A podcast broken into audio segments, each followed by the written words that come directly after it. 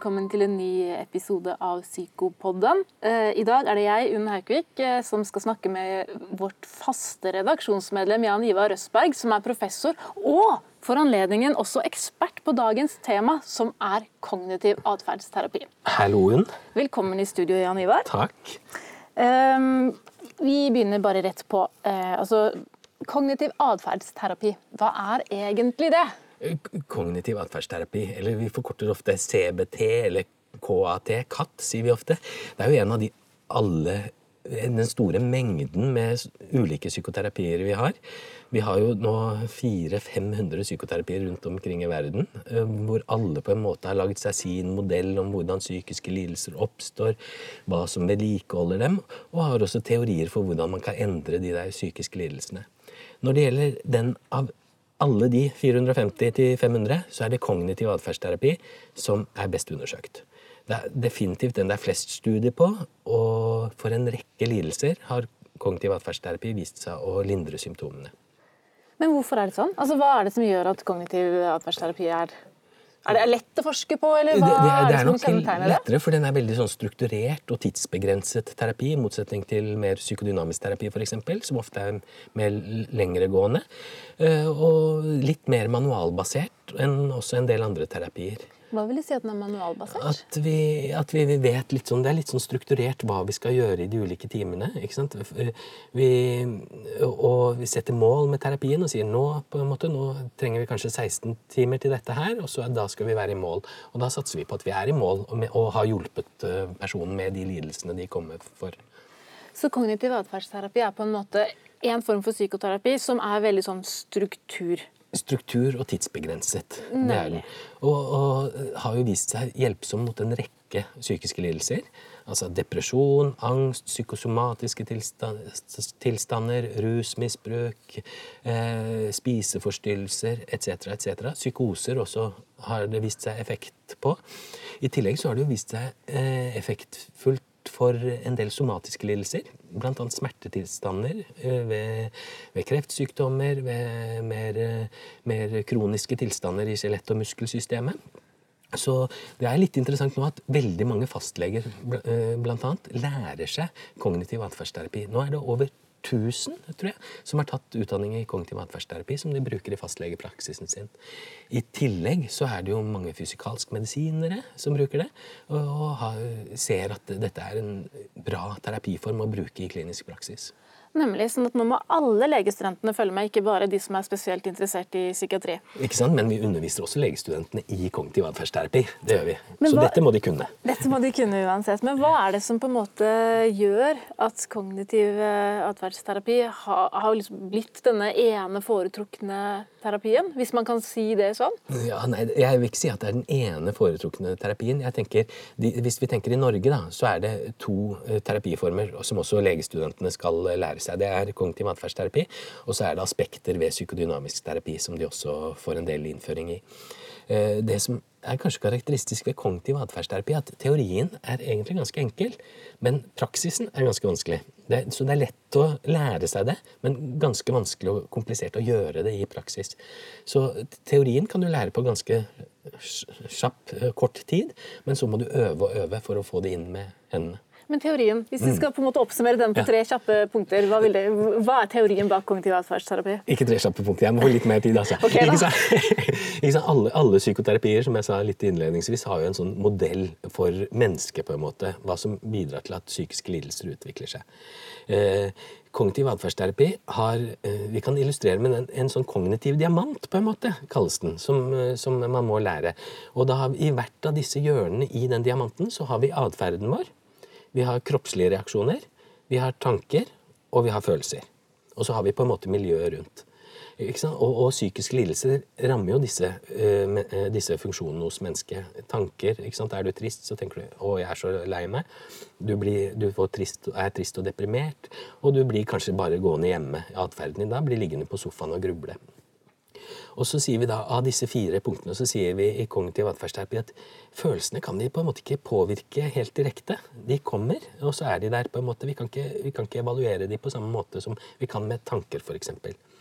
Eh, og det kan vi heller ikke med kroppslige reaksjoner. Vi merker stingene i brystet, vi merker at vi blir slitne, vi merker at vi blir litt ned, nedbrutt på en måte i kroppen.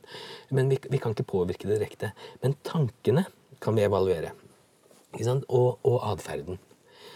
Kanskje et eksempel kan være hvis, for ved atferden. Og hvis du er deprimert, så er jo en av, en av disse symptomene at du, eller tegnene at du blir liggende på sofaen og gruble over eh, hverdagsproblemer og tenke at den grublingen her, den kommer til å hjelpe meg. Men det gjør den ikke, altså. For den grublingen der er som kvikksand. Du blir bare dypere og dypere deprimert. Da kan vi oppmuntre pasientene da, med en depresjon til å komme seg ut av sofaen og ut i aktiviteter, sånn at de gjør noe mer eh, som gir litt mer mening. Og forklarer grubling, det må du ikke gjøre eh, i den tilstanden. Så vi sier av og til 'move your ass and your mind will follow'. Det, det sier vi ofte. Mm. Ja, så Det er ikke sånn at man på en måte skal gå litt mer som i psykodynamisk terapi, hvor man på en måte mer skal forstå hvorfor man eh, tenker og føler som man gjør. Man skal bare gjøre noe med det. Ja, ikke, ikke helt heller det. Men uh, nå har vi hatt en eh, podkast om psykodynamisk terapi. Vi anbefaler den nå. Uh, det, det, som er litt forskjellen på psykodynamisk terapi og kognitiv terapi, er vel at, uh, at i psykodynamisk terapi er man nok mer opp, opptatt av hvordan barndomsopplevelser påvirker hvordan man handler og tenker og føler i dagens situasjon. Mens kognitiv atferdsterapi er veldig her og nå-orientert. Vi, vi, tenker, vi er ikke så veldig opptatt av hva som er årsakene til de psykiske lidelsene. Vi lager modeller for det, hva som kan ha bidratt til at det har kommet. Men vi er ikke så veldig opptatt av det. Vi er mer opptatt av hva som opprettholder de psykiske lidelsen og endringen. Så jeg tenker ofte, er, Kort om hva kognitiv atferdsterapi er, så er det jo litt sånn at vi må passe på at vi har en god relasjon, en god allianse med felles mål, at eh, personen blir møtt med støtte, empati etc., og at vi møter pasienten der pasienten er. Og så må vi lage en forståelse av hvordan disse eh, problemene henger sammen med med livet generelt hos denne personen. Og så må vi ha noen teknikker vi, eh, hvor vi kan få dette til å bli endres til det bedre. Og er det kanskje der det begynner å bli vanskelig, da? Ja, så, det hvordan være, foregår ja. denne? Det høres så lett ut når du sier det sånn. Ja. Vi tar tak i det her og nå, og så jobber vi med tankene. Men hadde det vært så lett, så hadde vel alle vært friske på null komma Ja, ikke sant? Og, og mye, mye, i kognitiv terapi er jo det har jeg bare lyst til å nevne også, det er jo psykoedukasjon. Altså at vi lærer de om de ulike lidelsene. Har du en psykose, så lærer de om hva en psykose er, hva som eh, generelt kan gi bedring i det, og hvordan de skal forholde og mestre de symptomene. Er det en depresjon, så er det lære hva depresjon er, hvordan man generelt kan forholde seg til det, og hva som kan bidra til å mestre en depresjon. For vi tenker også at jo mer du kan om lidelsen, jo bedre går det med deg. Og det er litt sånn i somatikken også. Har du sukkersyke, eller nå heter det diabetes, jo mer du vet om diabetes eller hjerteinfarkt, jo bedre går det med deg da også. Så vi tenker at det er viktig. Og så blir det i kognitiv atferdsterapi at vi sammen lager et mål og en problemliste den første tiden de kommer. Hva er det skal, som skal være hensikten med terapien? Det, hvilke mål skal du ha med dette her? Eh, hva må du gjøre for å komme fram til de målene? Det kan være da f.eks. jeg vil bli mindre deprimert, jeg vil ha bedre selvfølelse, mindre angst, jeg vil klare å fungere på jobb igjen, eh, på skole igjen, etc., etc. Så man på en måte, det er ikke sånn at Hvis jeg kommer til deg da, som pasient og sier å, jeg er veldig deprimert, uh, og jeg har en forferdelig bosituasjon, og jeg har en grusom ektemann, mm. og jobben min er veldig vanskelig, mm. så vil du si OK, Vet du hva, hvis du, hvis du, kommer til meg første gang, Unn, så vil jeg eh, først Nå dro vi litt fra med den psykoedukasjonen. Det var en liten sånn sidestep. Da vil jeg eh, først og fremst også eh, drive litt sånn psykoedukasjon om den kognitive modellen. Og da har jeg en del sånne eksempler om hvordan tankene våre nå må vi huske å gå tilbake til det du spurte om etterpå. Eh, hvordan tankene våre påvirker hvordan vi har det, og hva vi gjør. Altså Tankene våre eh, florerer jo gjennom hodet vårt hele tiden. Mange tusen tanker går gjennom hodet vårt hver dag, og noen tar vi tak i. Dette kaller vi ofte automatiske tanker. Når, når du er deprimert, f.eks., sånn som du sa du var nå, så har vi masse negative automatiske tanker som vi tar tak i. 'Jeg duger ikke. Jeg får ikke til noen ting. Eh, alle andre er mye bedre enn meg. Han hilste ikke på meg fordi han ikke liker meg. Jeg kan bare gå hjem og legge meg.' Ikke sant? Og, og så prøver vi å evaluere de tankene hos pasientene. Eh, Så det vil jeg forklare til pasientene først, hvordan dette henger sammen. Og da bruker jeg ulike situasjoner. Tenk deg at du ligger oppe sammen med kona eller mannen din og skal sove. Og så akkurat idet du skal eh, duppe av, så hører du et glass klirre nede i første etasje. Hva gjør du da? Hva tenker du? Ikke sant? Tenker du at det er eh, sønnen eller dattera di som kommer full hjem, så vil du bli rasende og løpe ned og kjefte på han kanskje. Tenker du at en innbruddstyv, så vil du kanskje vekke kona eller mannen din og be han gå ned og sjekke. Eller henne gå ned og sjekke. Eller hvis det er katta di som har knust en vase, så vil du løpe ned. Det er akkurat samme situasjon. Du ligger i senga og hører noe knuse, men hvordan du tolker situasjonen, vil bestemme hva du føler. Om du blir redd, engstelig, ikke sant? eller deprimert for den saks skyld. Og hva, hva du vil gjøre. Om du vil gjemme deg under senga hvis det er en innbruddstyv, eller hvis det er katta di, løpe ned. Ikke sant? Så tankene våre på en måte, og hvordan vi tolker situasjonen, er veldig viktig å få fram. Hvis du er deprimert så, og går på jobben, f.eks. Hvis du er på jobben og så går du forbi en, en kollega ved kopimaskinen, så hilser ikke han en dag. Da vil en deprimert person kanskje tenke åh, han hilser ikke, han bryr seg ikke om meg, jeg er ikke verdt noe. Men hvis du ikke er deprimert, så vil du tenke at han er distré, han har hatt en dårlig dag, eller et eller annet sånt. Så vi begynner å evaluere disse, disse negative tankene for å se er dette mest hensiktsmessig måte å tolke dem på. Eller er det, er det, er det litt farget av at du er deprimert nå? ikke sant? Og så prøve å lære de, lære de det. Ja? Jeg, Ja, jeg, du var så fint i gang med å forklare meg, så jeg bare sitter og hører på. Nei, for jeg så liksom for meg den der, ok, du kan ikke hjelpe meg med all- alt mulig, Nei. sier du. Du må hjelpe, du må på en måte eh, snevre, deg, snevre det inn. Men sånn som jeg hører deg nå, så er det jo da du, altså kjernen i disse negative tankene. At man går inn på de, Mm. og ikke nødvendigvis alt rundt deg som er vanskelig, men hvordan man forholder seg til det rundt som er vanskelig. Og det er det man jobber med. Ikke sant? Det er den kognitive eh, på en måte tankemønsteret vi prøver å se om er dette hensiktsmessig for deg nå.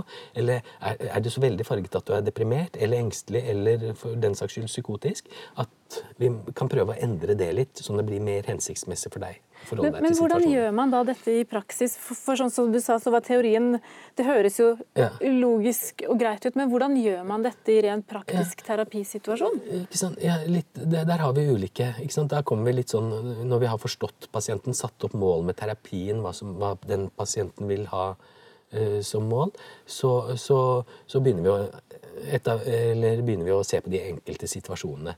Eksempel kan en sånn negativ automatisk tanke være du får hvis du er deprimert. Tenk at eh, 'jeg er verdiløs, jeg duger ikke'. Da begynner vi kanskje først sånn litt sånn det vi kaller sokratiske spørsmål. Altså litt sånn veiledede eh, oppdagelser for pasientene. Da jeg, kan jeg spørre personen som er deprimert, hva, betyr det at, å være verdiløs? Kan du svare på det, ikke Og da svarer jeg på det. Det er ikke så lett å svare på som nei. eh, Hvilke tegn med deg er det som gjør at du tenker at du er verdiløs? Hva karakteriserer en verdiløs person? Eh, eh, Ikke sant? Og så går vi og spør etter Ja, men det er ikke så lett å svare på. Nei, det er jo ingen mennesker som er verdiløse. Nei, men hvorfor tenker du at du er verdiløs da? Og så, så begynner vi sånn Å nei, men det, ja, nei, det kan jeg ikke tenke, kan de si da. ikke sant? Og Det er den der sokratiske holdningen som jeg er så veldig opptatt av, som skal prege mye av den kognitive terapeuten. Det er den nysgjerrigheten. Hvordan henger symptomene sammen med hverdagen din? Hva, hva, det, hva kan du gjøre for å endre det? ikke sant? Og det, Den skaper en veldig god allianse òg, for det er en sånn nysgjerrighet på det andre mennesket som jeg tror er veldig viktig i kognitiv terapi. Ja, ikke sant? Og da blir det jo ikke sånn at terapeuten forteller pasienten hva som er galt. Mm. Ikke sant? Som en slags belærende. Ja, du er jo ikke verdiløs, vet du. Men at man selv får reflektert seg gjennom og gjennom det, da. Så vi kommer veldig lite med sånn støttende, eh, støttende ting egentlig akkurat på den måten. Vi har jo den, det er jo en viktig del av terapien å være støttende. Men at det skal komme fra pasienten selv, det er kjempeviktig. For da gir det mer, mer eh, endring, tenker jeg. Så da jobber man igjennom den type opplevelse Mm. og følelser. Går man inn på spesifikke situasjoner også? Det gjør man, og da eh, har vi også en ny Vi har mye skjemaer i kognitiv terapi. Det, Ja. det er noen som tuller med det, men det er ikke det som skal være hovedmålet. på en måte.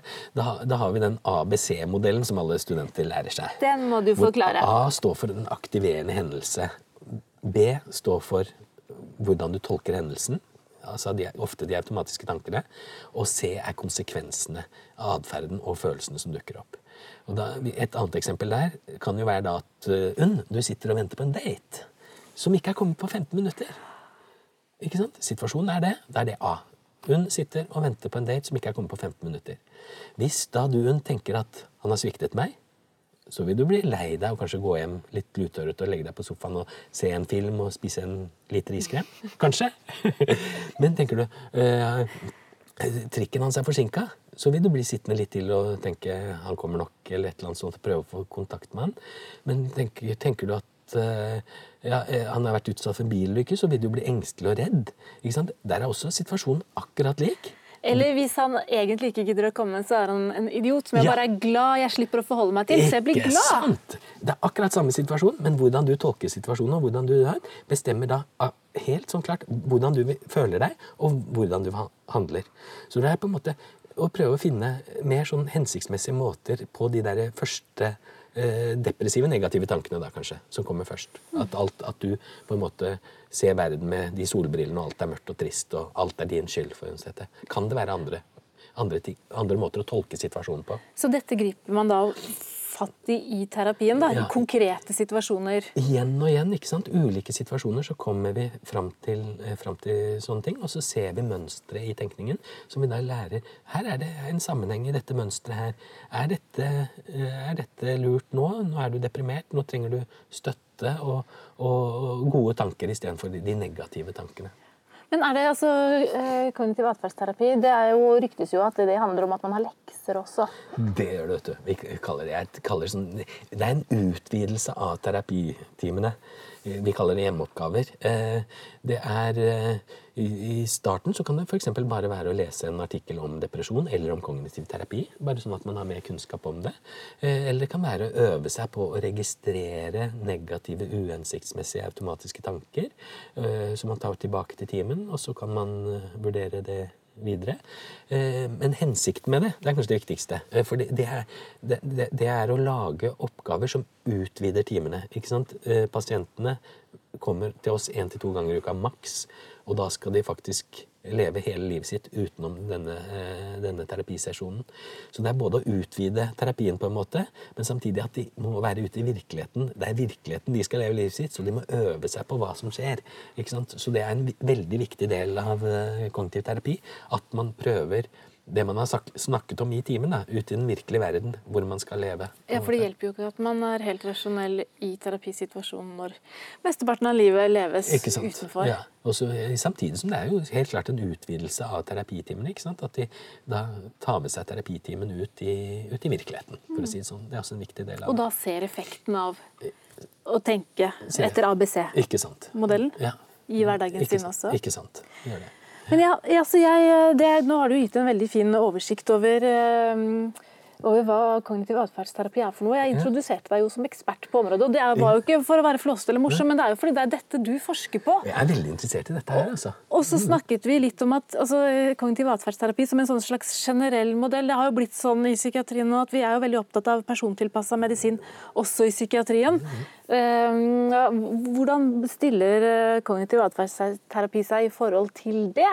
Det er jo veldig veldig spennende. For det, er eh, kanskje det største spørsmålet i forskningen på psykoterapi generelt, er jo å prøve å få til en mer persontilpasset eh, terapi. Vi vet at ingen har effekt av bare én terapi. på en måte. Noen kan ha effekt av andre terapier, mens andre har effekt av noen helt andre terapiformer. Så det, vi er, det spørsmålet som er liksom hottest, er jo hva som virker for hvem, og hvordan det virker. Det vil si at vi er ute etter å prøve å kartlegge hvem er det som vil ha mest nytte av kognitiv terapi, hvem vil ha mest nytte av psykodynamisk terapi. Og da er det noen få studier allerede som viser at du kan fordoble effekten hvis du allerede får det fra starten av.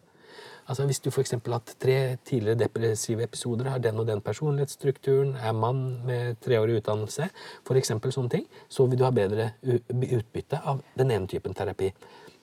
Har du andre personkarakteristika, så vil du ha utbytte av en annen form for terapi. Og kan vi da, da kan vi jo tenke oss at vi kan tilpasse den terapiformen allerede i starten, og det vil sannsynligvis øke effekten. Det andre er jo dette med mekanismene, hvordan det virker. Det er ganske, ikke sant? Nå har vi jo tusenvis av teoretiske artikler, tusenvis av bøker, om, som har teorier om hvordan eh, psykoterapi virker, men vi har veldig liten empirisk evidens på hvordan det virker. Sannsynligvis er det så innmari komplisert. Jeg tenker av og til på sånn TV-apparat. Ja. Altså, det er så mange ting som skal være på plass. Det tror jeg det er i psykoterapia. Men bare vi kunne klart å isolere noen ting på en måte som vi kunne hatt mer fokus på, så kunne vi også øke effekten av terapien. Innsikt, f.eks., og det å akseptere seg selv, det å lære nye måter å håndtere ting på, det er sannsynligvis en, noen av mekanismene. Eh, altså hvordan det, det virker gjennom.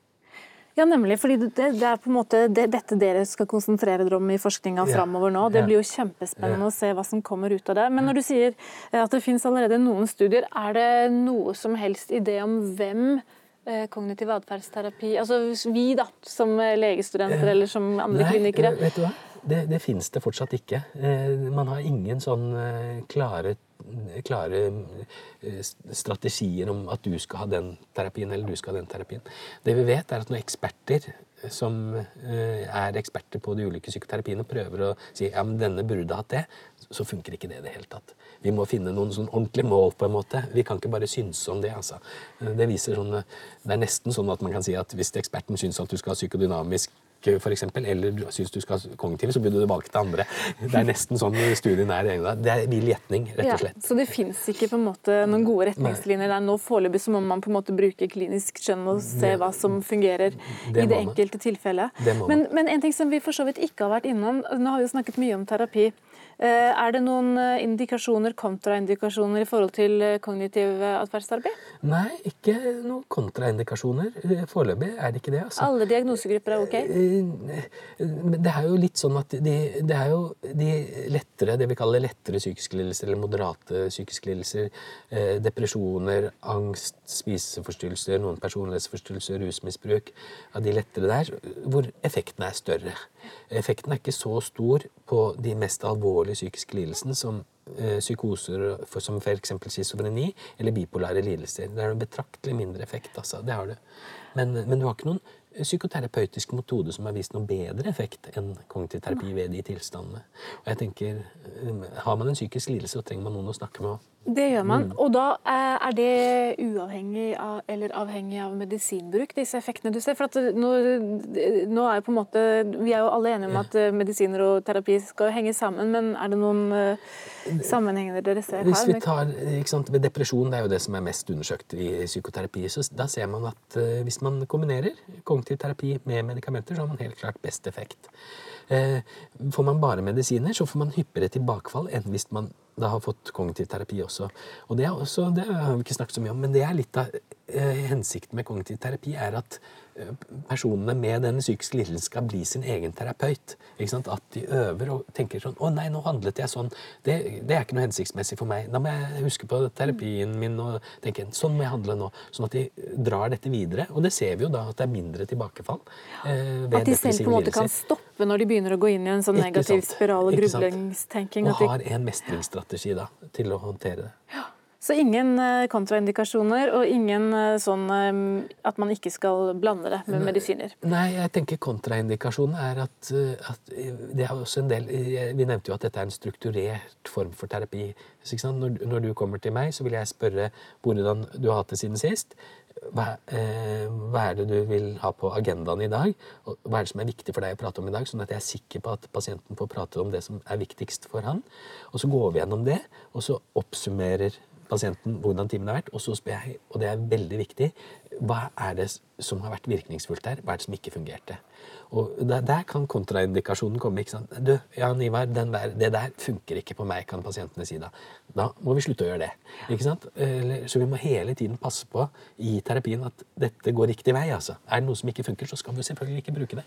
Og det tenker jeg er en sånn holdning vi egentlig skulle ha til hele psykisk helsevern. Både når det gjelder medikamenter og alt sammen. Da kunne vi kanskje blitt flinkere til å stoppe med medikamenter som ikke virker for den pasienten.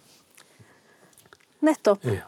Det syns jeg var eh, på en måte en fin oppsummering du kom med på slutten der. Altså, man, skal lære seg å bli sin egen terapeut. Eh, og man må stoppe hvis, eh, hvis, det ikke virker. Men for veldig mange så har kognitiv eh, atferdsterapi vist seg å ha en veldig god effekt. Og det er den eh, psykoterapeutiske retningen som til nå har best dokumentasjon. I fall, det er flest studier på det. Og for det er ganske interessant også sant, at når du sammenligner ved depresjon f.eks., så kommer kognitiv terapi og psykodynamisk terapi omtrent likt ut.